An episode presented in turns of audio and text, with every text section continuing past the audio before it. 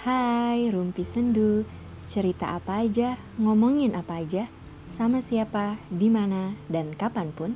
Yang penting rumpi, tapi sendu. Biar syahdu gak kalah sama malam minggu.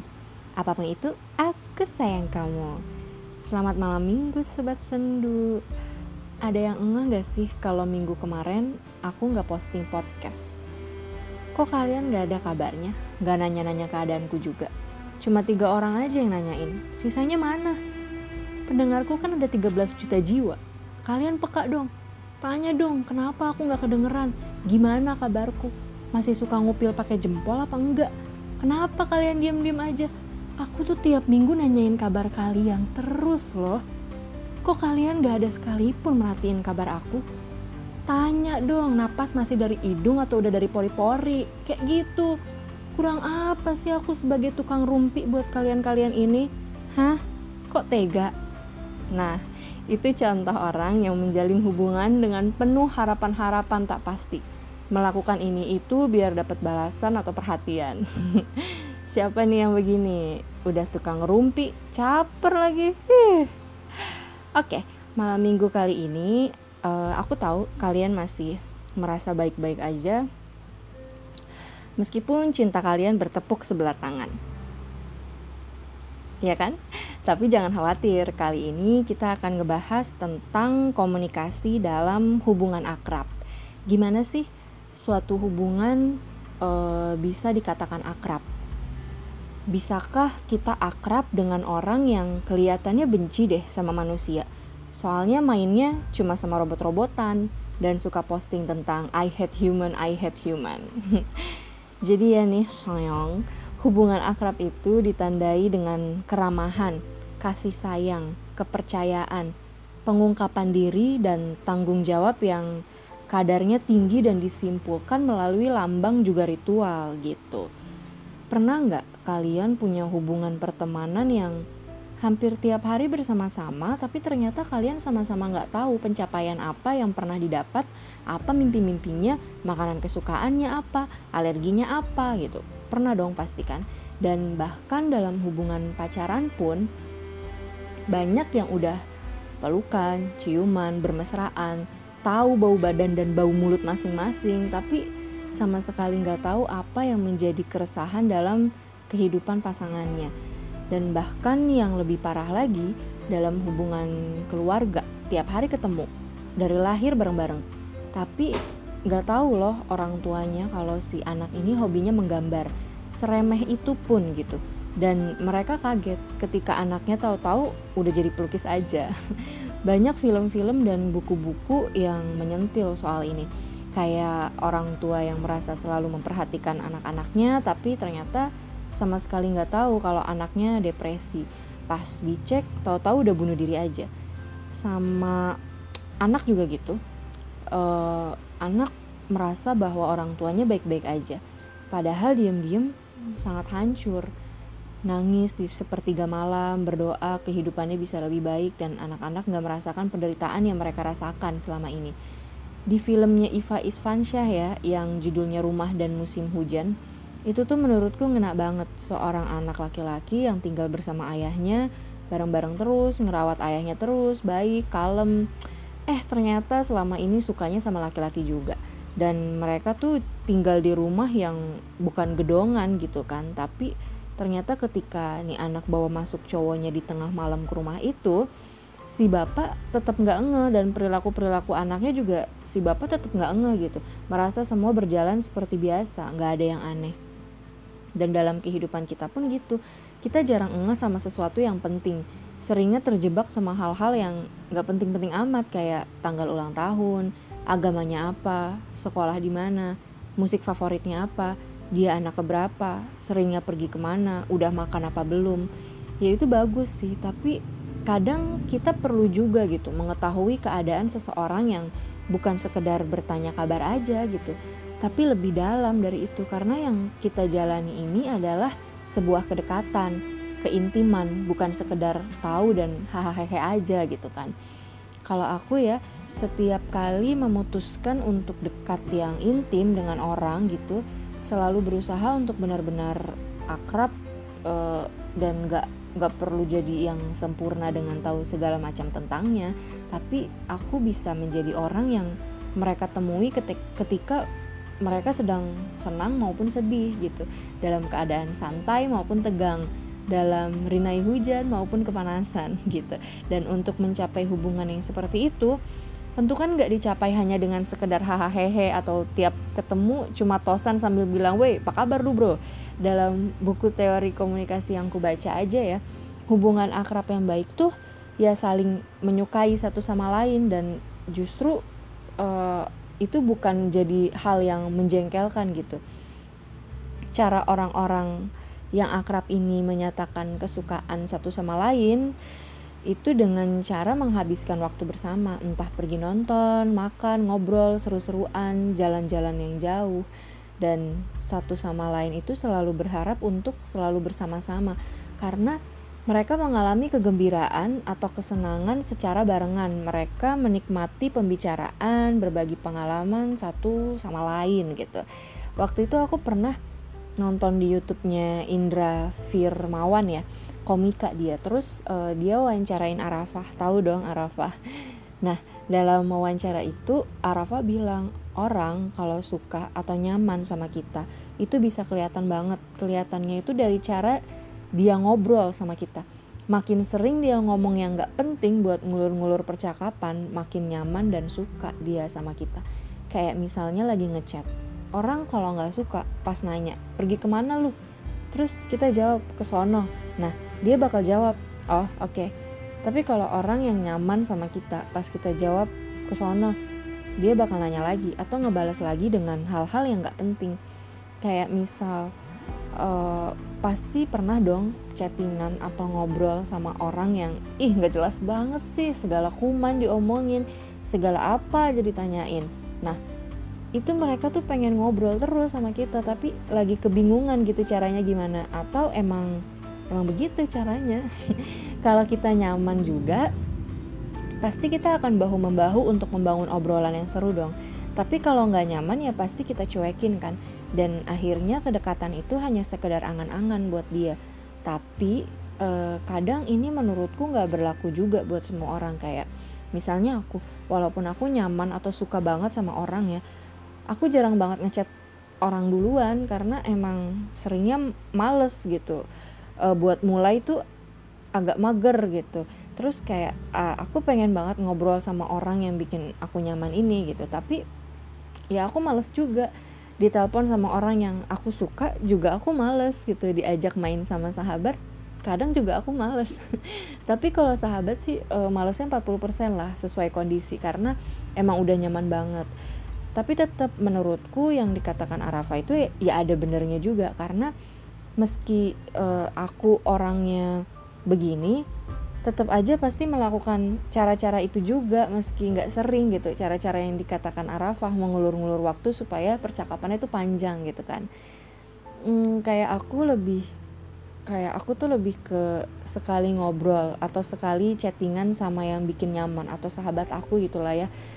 Pasti tuh uh, sekali chatting atau sekali ngobrol lama gitu terus nanti hilang lagi terus kapan lagi uh, chattingan lagi yang lama terus hilang lagi tapi kalau orang itu uh, yang sahabat aku atau yang bikin aku nyaman itu chat aku duluan mau seenggak jelas apa pun pasti tetap akan aku ladenin. Dan kadang emang di dalam hati tuh selalu ada perasaan yang aduh jangan berakhir dong pengen ngobrol terus gitu. Meskipun sebenarnya suka mager buat uh, berkomunikasi gitu. Dan benar banget kata Arafah menurutku makin deket dan nyaman uh, kita sama seseorang gitu emang makin berpeluang buat ngobrolin hal-hal yang nggak penting yang justru itu bisa ngebuat kita lebih mengenal satu sama lain gitu. Pernah ngerasa nggak sih kalian kenal nih sama orang yang obrolan obrolannya tuh mantep-mantep tapi kalian nggak punya celah untuk kedekatan yang akrab? Karena obrolan yang mantep-mantep tuh yang berat-berat gitu ya itu nggak sepenuhnya bisa membuka kepribadian seseorang sementara dua orang atau beberapa orang yang kalau ketemu obrolannya nggak penting banget justru bisa saling tahu menau gitu aku justru ngerasa dan emang beberapa kali pernah kenal gitu Nih orang kalau ngobrol hebat banget, wawasannya luas, bla bla bla, terlihat bijaksana, say. Eh, tapi ternyata ya aslinya justru pikirannya sempit. Ketika ada masalah, cara dia menyelesaikannya dan gimana dia menilai orang lain, selera orang, dan sebagainya itu justru kebalikannya gitu.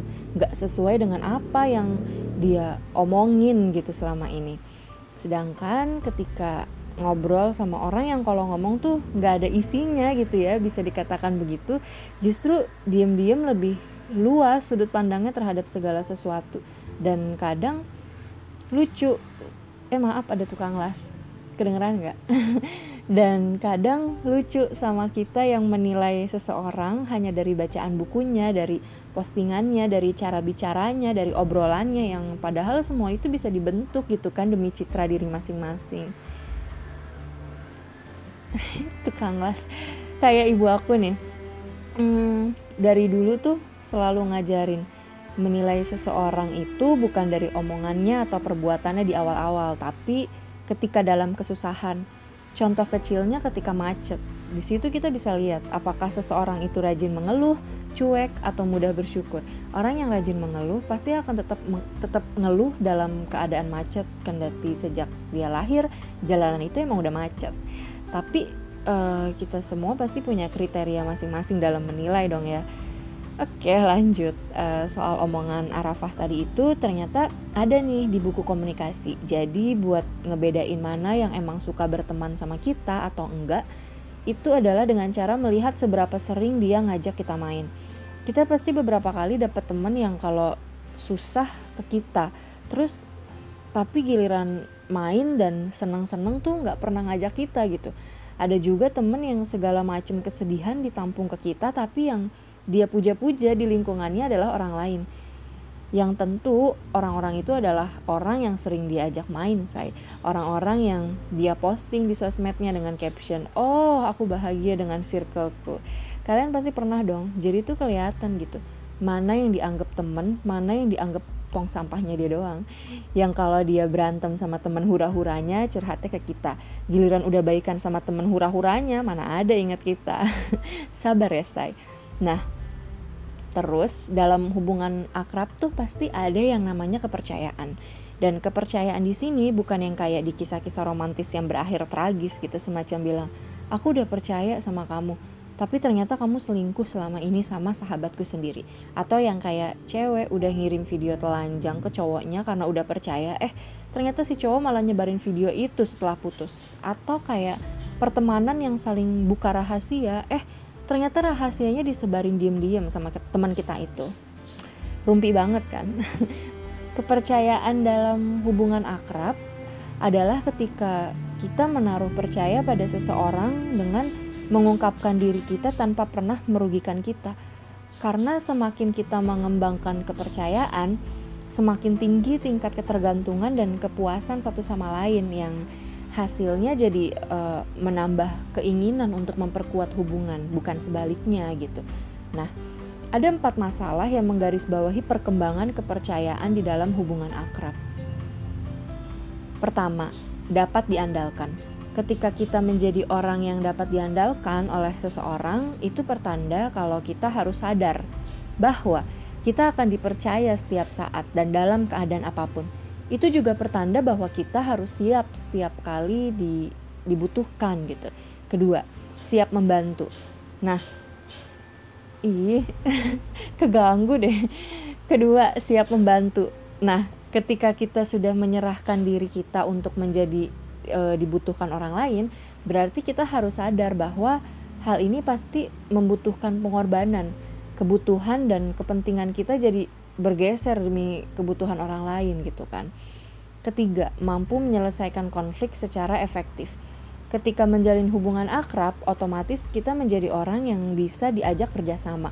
Kalau dalam waktu yang lumayan lama kita terus-terusan menarik diri dari konflik, terus-terusan mengalah untuk mempertahankan kedamaian atau justru memaksa tujuan terhadap satu sama lain, maka kepercayaan itu akan melemah jadi kayak orang-orang yang people pleaser yang sangat sulit juga untuk dipercaya untuk uh, menjadi uh, menjalin keakraban ini gitu. Karena mereka selalu menghindari konflik kan. Terus orang-orang yang mau menang sendiri juga gak akan mendapatkan keakrapan semacam ini karena selalu memaksakan kehendak orang lain. Orang-orang yang bisa mencapai hubungan keakrapan dengan baik adalah orang yang percaya kalau mereka sama-sama bisa menyelesaikan konflik secara terbuka saling membangun memperbaiki dan percaya kalau mereka bisa menyelesaikan masalah demi masalah dengan cara yang bermanfaat gitu. Keempat, setia. Yang menjadi dasar keakraban adalah kepercayaan. Teman atau pasangan atau keluarga dan sebagainya yang setia kepada kita adalah orang-orang yang mempunyai keyakinan terhadap kita. Mereka percaya kalau kita bisa dipercaya dan percaya kalau hubungan kita akan berlanjut dan kalau kita menemukan seseorang yang kerjaannya mempertanyakan apakah hubungan ini bisa sampai lama, apakah kita akan selalu bersama-sama, bla bla bla gitu. Udah pasti hubungan itu akan segera berakhir. Dan ini aku rasain banget. Aku pernah deket banget sama orang dan ketika masuk tahun kedua, aku kirim dia hadiah buku dan surat. Aku bilang makasih udah jadi temenku, tapi apakah kita bisa seperti ini terus? Gitu. Dan tiba-tiba setelah itu tanpa aku sadari banyak banget konflik yang terjadi. Di tahun pertama tiap ada konflik kita selalu bisa nemuin hal yang bikin kita selalu ketawa bareng lagi gitu. Baik lagi akrab lagi. Tapi di tahun kedua itu benar-benar nggak bisa. Selalu ngerasa kayaknya dia udah beda. Dan berulang kali dia nanya ke aku bedanya apa? Sama aja kok gitu. Tapi jadi kayak yang sering cekcok gitu. Aku sering ngerasa nggak pede dan gampang banget tersinggung. Aku ngerasa dia nggak tulus ngerasa aku cuma maksa aja buat temenan sama dia dan banyak banget hal aneh gitu yang terjadi. Yang lama-lama akhirnya beneran berantem. Karena dia yang awalnya berusaha mungkin lama-lama jadi males gitu buat deket lagi kan. Dan itu wajar banget sih menurutku. Kadang tuh kekhawatiran kita selalu ngerusak segalanya. Ketika kita mulai mempertanyakan sesuatu, di situ kita nggak akan pernah selesai ngerusak kebahagiaan-kebahagiaan yang udah kita bangun. Dan ngebahas ini aku jadi mikir gitu.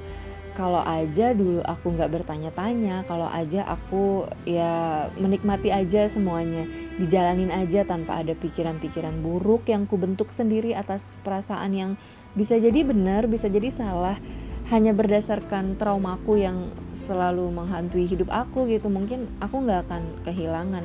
Mungkin aku nggak akan melewati hal-hal yang menyakitkan pertengkaran yang menjatuhkan aku karena kemarahannya dan keterbukaan yang benar-benar udah dia tutup rapat dari aku gitu yang bikin dia jadi beda karena kerasa banyak berbohong demi mengabaikan konflik.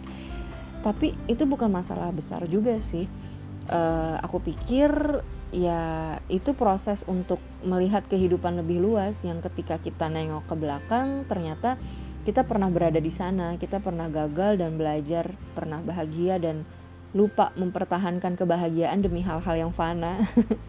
dan kalau kata Mbah Tejo, sesuatu yang indah akan terulang. Ya aku pikir memang selalu begitu sih, semua tergantung kitanya gimana menerima sesuatu yang datang dan pergi. Selain ini juga uh, aku beberapa kali melakukan hal yang sama ke sahabat-sahabatku. Ketika aku mulai nggak yakin gitu ya dengan diriku dan orang-orang terdekatku, aku cenderung bertanya-tanya gitu, apa bisa, apa akan, apakah, apakah gitu. Terlalu banyak apa-apa. Dan polanya ternyata sama. Hubunganku dengan mereka langsung banyak konflik, langsung susah percaya, nggak yakin gitu tapi sama sahabat-sahabatku ini yang udah lebih dari lima tahun bersama gitu ya gak ada kemarahan gitu loh. E, ternyata kita balik lagi akrab lagi dan justru saling menguatkan. Dan aku pikir ya emang e, perlu keikhlasan ya dalam menjalin hubungan apa pun itu. Perlu kesabaran ketika salah satu dari kita ngelakuin dan berpikir yang aneh-aneh jangan dilawan dengan kemarahan tapi dipeluk gitu dengan keramahan, kepercayaan, kasih sayang. Terus kalau waktunya udah tepat baru kita obrolin bareng-bareng untuk menyelesaikannya. Itu sih yang aku pelajarin dari empat sahabatku yang apa ya ngerasa uh, kalau mereka sejauh ini benar-benar dewasa dan sabar banget gitu menjalin hubungan ini sama aku dan sampai sini aku benar-benar yakin semua ini bisa kita capai karena kita udah melewati masa-masa sulit dan kita tetap mempertahankan hubungan karena kita nggak toksik, kita coba menurunkan ego, kita sering diskusi tentang perasaan kita masing-masing yang dalam kata lain sama-sama punya keterbukaan dan kejujuran gitu. Untuk mencapai ini juga nggak bisa sendiri dong harus sama-sama orang-orang baik yang pergi karena kalah dengan konflik bukan berarti dia salah tapi karena emang dengan dia kita nggak bisa membangun kepercayaan itu. Begitu juga sama dia yang ya dia ngerasa nggak bisa membangun kepercayaan terhadap kita. Pondasi kita sama-sama nggak kuat makanya kita runtuh gitu. Terus ada lagi nih. Dan ini penting banget. Ini selalu merusak segala apa pun dalam hidup ini dalam film, dalam buku, dalam kehidupan sehari-hari selalu ada aja yang merusak kehidupan dengan sikap iri hati. Dan ini benar-benar bahaya. Ketika kamu iri sama temanmu maka rusak segala pertemanan kamu. Ketika teman kamu iri sama kamu maka rusak juga segala hubungan yang udah kalian bangun. Aku ya jujur ketika mulai deket sama orang dan orang itu sekali aja bilang iri sama aku 100% aku pastikan dia nggak akan bisa berteman baik denganku. Berteman bisa ya cuma berteman baik itu 100% enggak gitu. Dan sampai usiaku segini ya teman deketku dikit banget. Karena rata-rata orang tuh gampang banget bilang iri. Bahkan ada yang tiap ketemu bilang Jihan enak banget sih jadi kamu. Aku iri aku pengen kayak kamu bla bla bla gitu. Dan aku rasa kalian juga pasti sering banget ngalamin hal yang kayak gini kan? Dan aku cuma mikir gitu mohon maaf nih aku susah menerima orang-orang yang gak bisa bersyukur sama hidupnya sendiri. Orang-orang yang gak bisa melihat perjuangan orang lain dalam meraih sesuatu dan cuma fokus membanding-bandingkan. Siapa sih yang suka dibanding-bandingin kan? Dan kenapa ketika kita nggak suka dibandingin sama orang lain tapi kita selalu membandingkan diri kita sendiri sama orang lain gitu bilang ih iri banget sih kenapa lo begini kenapa lo begitu gitu kan.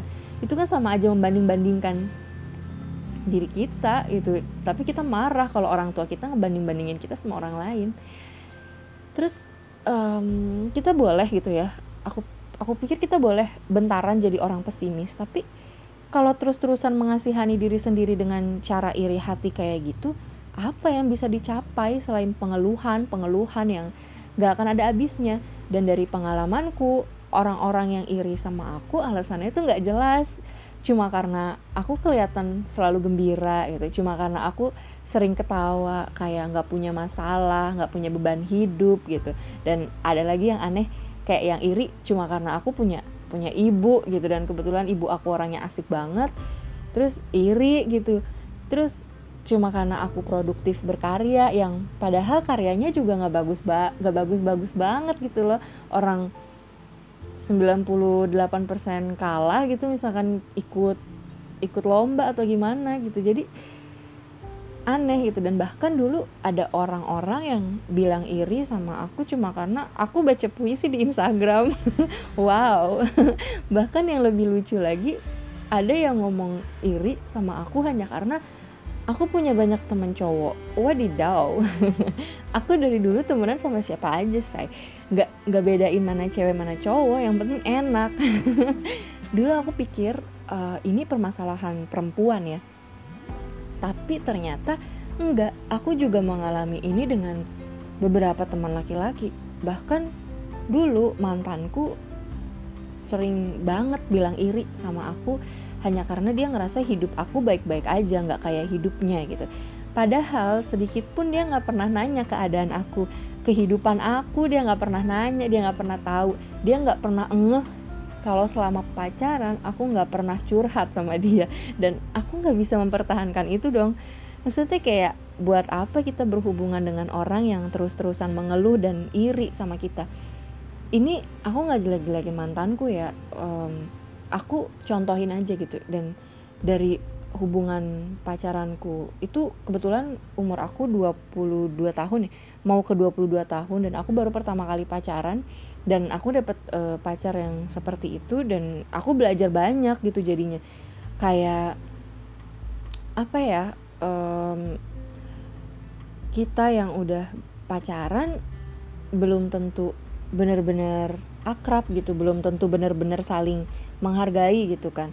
Bahkan ketika kita udah menikah gitu dalam dalam hati kita bisa aja nggak tenang gitu kayak istri yang gajinya lebih gede terus suaminya iri. Kayak adek atau di dalam hubungan keluarga adek kakak yang beda nasib eh jadi nggak akrab karena rusak sama sifat iri dengki dan masih banyak lagi gitu contoh-contoh yang lain yang mau pacaran mau temenan mau sahabatan mau apa pun kayaknya tuh selalu dibayang-bayangi dengan sifat nggak puas dengan diri sendiri dengan sifat yang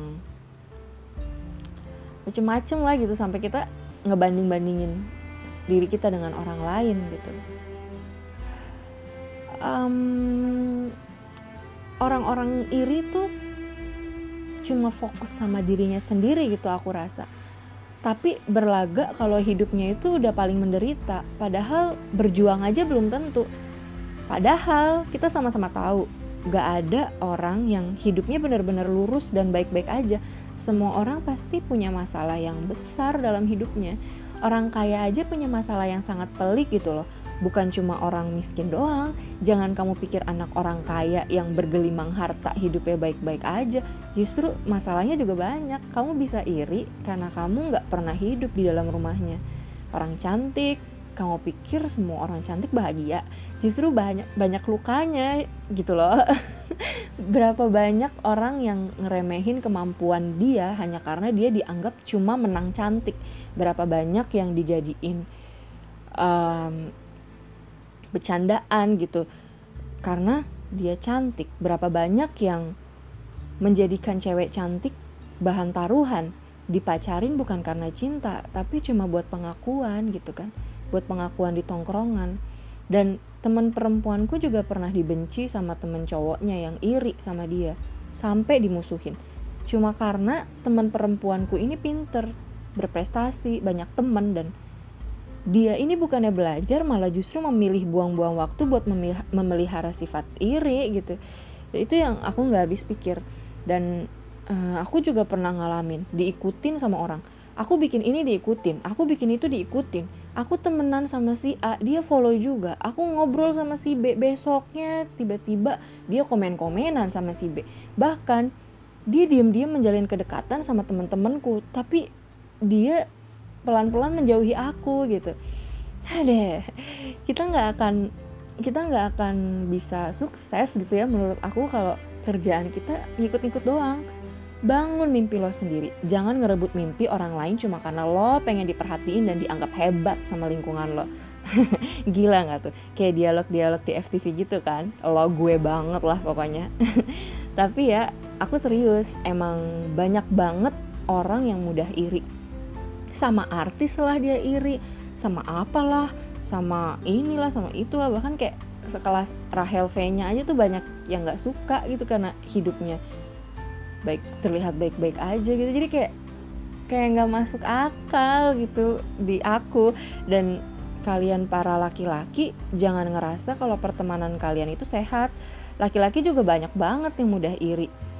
Cuma perempuan lebih ekspresif gitu Cuma aku pernah ketemu ya sama beberapa orang yang justru bangga karena banyak yang iri sama dia. Berbanding terbalik dengan aku yang sangat terganggu dengan hal ini gitu. Bahkan aku pernah nangis ya waktu itu curhat sama ibu aku karena permasalahan hidupku tuh cuma berputar di teman-teman yang dikit-dikit iri iri iri gitu terus waktu aku sekolah kuliah kerja ikut kegiatan ini ikut kegiatan itu banyak yang deket sama aku aja tuh enggak tapi mereka ngepoin aku dan tiba-tiba kayak yang enak ya Jihan jadi kamu. Hmm, gitu. Dulu waktu aku jadi jurnalis di sekolah pernah ada cewek dari kelas lain yang tiba-tiba bilang eh gue bosen nih ngelihat nama lo di majalah sekolahan. Padahal kalau boleh jujur kayaknya gue bisa nulis lebih bagus deh dari lo. Ya dan aku cuma bisa bilang ya udah lo kirim aja tulisan lo ke email majalah itu dan dia sampai lulus sekolah bener-bener nggak -bener ngirim tulisannya sama sekali gitu. Jadi emang orang tuh suka suka aja gitu nyinyir suka aja ngejatuhin orang lain gitu. Terus ada juga nih ada kelas yang aku nggak kenal ya mereka siapa tapi tiba-tiba mereka negor aku di kantin dan bilang aku pembaca setia kakak loh tulisannya bagus-bagus ya. terus temannya ngomong tayo lu bohong orang lo bilang tulisannya jelek jangan percaya kak. Ya terus aku yang bingung dong ya mau bilang apa cuma bisa nelen ludah gitu.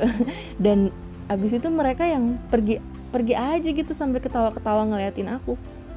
Itu kan kayak ngapa sih? gitu.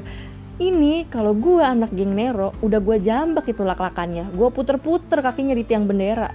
Tapi gue kan anak marching band ya anak rohis gitu dulu di sekolah. Jadi kalau kesel ya main belera sambil sholawatan. Banyak banget gitu pengalamanku tentang iri hati dan musuh di balik selimut gitu.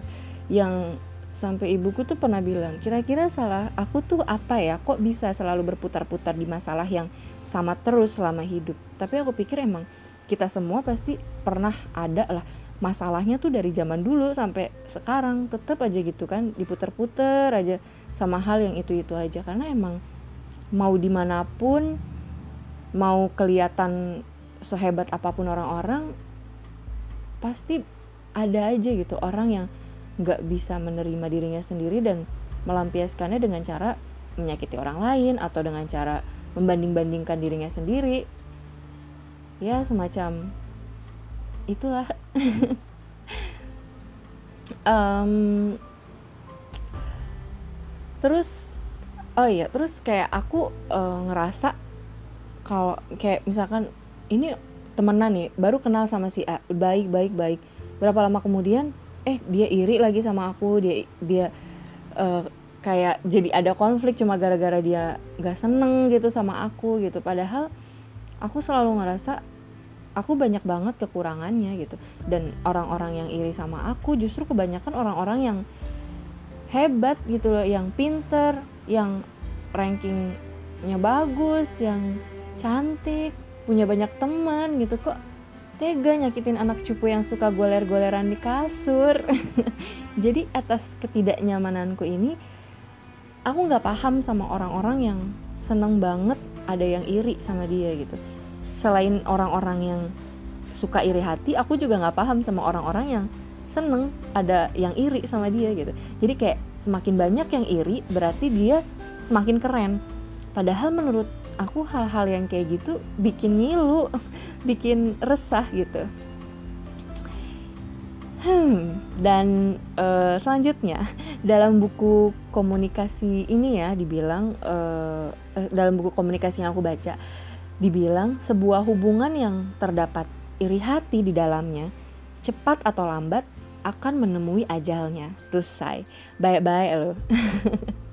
Dengerin tuh baik-baik. nah, kita lanjut nih. Dramanya udah selesai ya soal iri-iri hati itu. Sekarang kita ke pengungkapan diri sama kayak waktu kita ngerumpi soal lapisan diri nih. Jadi uh, melalui berbagai eh melalui berbagi melalui berbagi perasaan dan proses pengungkapan diri yang sangat pribadi, kita benar-benar dapat mengetahui satu sama lain. Sahabat baik uh, sering kali memperoleh pengetahuan yang paling dalam mengenai sahabatnya. Jadi buat kalian yang merasa bersahabat padahal gak tahu apa-apa soal sahabatnya, udahlah jangan sok tahu. Ayo pelajari gimana caranya bersahabat dengan baik. Jadi semakin kita memiliki jumlah pengungkapan diri yang meningkat, maka kita juga meningkatkan investasi di dalam hubungan dengan mengembangkan rasa kekitaan. Ini biasanya nggak akan banyak juga sih kita dapetin ke banyak orang, tapi kalau emang itu benar-benar terjadi, oh, berarti kita punya banyak sahabat baik yang berkualitas gitu seperti yang dijelasin di podcastku kali ini sahabat baik yang bukan cuma berbagi pengalaman tapi juga berbagi rasa berbagi uh, berbagi berbagi sebagian kehidupannya gitu ke ke kita berarti kita udah mencapai tujuan komunikasi yang sangat bermanfaat gitu tetapi sekalipun kita berhubungan akrab, kita tetap punya batas-batasan mengenai jumlah pengungkapan diri karena keterbukaan tanpa syarat itu bisa menimbulkan gangguan hubungan sebagai kebalikan dari hubungan baik. Jadi bisa rusak juga, say. Meski inti hubungan yang erat adalah pengungkapan diri dan ini bisa terjadi karena adanya kepercayaan satu sama lain ya. Untuk mempertahankan hubungan akrab, kita perlu memiliki tanggung jawab gitu. Contoh kecilnya ketika kita menjalani LDR sama pacar atau sahabat kita. Ada yang LDR langsung retak hubungannya. Ada yang tetap berjalan baik-baik aja ada yang berjuang sendirian dan ujung-ujungnya stres juga karena hubungannya tetap kandas karena orang ketiga. Nah, yang retak ini terjadi karena mereka nggak punya tanggung jawab yang mendalam atas hubungan tersebut. Sedangkan yang tetap baik-baik aja karena mereka merasa ya udah saling percaya, tahu masing-masing secara dalam, saling merawat kasih sayang dan bertanggung jawab pada hubungan yang dibina. Jadi jarak dan waktu nggak pernah berpengaruh gitu mereka tetap akan akrab karena mereka berbagi gagasan dan perasaan secara bebas, saling mendukung dan ketika sekalinya bertemu mereka jadi ngerasa hangat banget, ngerasa pertemuannya yang susah itu jadi sesuatu yang megah, menyenangkan dan memuaskan. Dulu pas aku kuliah semester 4 ya, belum pernah pacaran tuh, ngobrol sama teman-teman kuliahku. Dan aku ditanya soal LDR karena aku nggak punya pengalaman ya. Jadi jawabanku polos banget. Aku bilang aku mah nggak mau LDR soalnya nanti aku lupa muka pacarku kayak gimana. Kalau ketemu terus kan aku inget mukanya dan teman-temanku langsung kesel gitu langsung bilang kok ada ya orang kayak gini? Gitu. Tapi pada saat itu ya emang itu yang aku rasain. Aku ngerasa kalau jarak jauh jarang ketemu orang yang nggak kelihatan ya jadinya hambar aja gitu. Nggak akan terngiang-ngiang dan berkesan kan tapi semuanya berubah ketika aku LDR sama sahabat-sahabatku dan ternyata ada pertemuan atau nggak ada pertemuan itu sama aja nggak ngerusak apa pun dan aku nggak lupa sama muka mereka. Justru pas lama banget nggak ketemu cuma komunikasi lewat online gitu ya pertemuannya tuh emang beneran jadi nyenengin banget jadi berkualitas gitu jadi berkesan. Jadi nggak usah Gak usah takut sama hubungan jarak jauh, semua itu sama aja. Masalahnya itu cuma ada di keterbukaan, kejujuran, kepercayaan, dan tanggung jawab yang sama-sama kita bentuk. Gak ada bedanya. Tapi tentu untuk mencapai hubungan yang seperti ini, yang benar-benar kuat, ya kita harus bekerja sama yang baik gitu. Gak, nggak bisa salah satu doang yang lebih kuat gitu sayang Oke, itu dia rumpi kita malam minggu kali ini. Makasih ya udah dengerin. Buat yang pengen cerita soal pengalamannya mengenai hubungan akrab ini atau tentang iri hati kayak yang tadi aku ceritain gitu, mungkin kalian punya pengalaman yang sama atau lebih parah dari aku, boleh banget.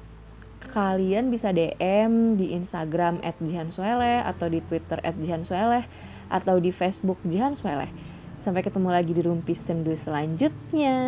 Rumpi Sendu cerita apa aja, ngomongin apa aja, sama siapa, di mana, dan kapan pun yang penting rumpi. Tapi sendu, biar syahdu gak kalah sama malam minggu. Apa pun itu, aku sayang kamu. Dadah!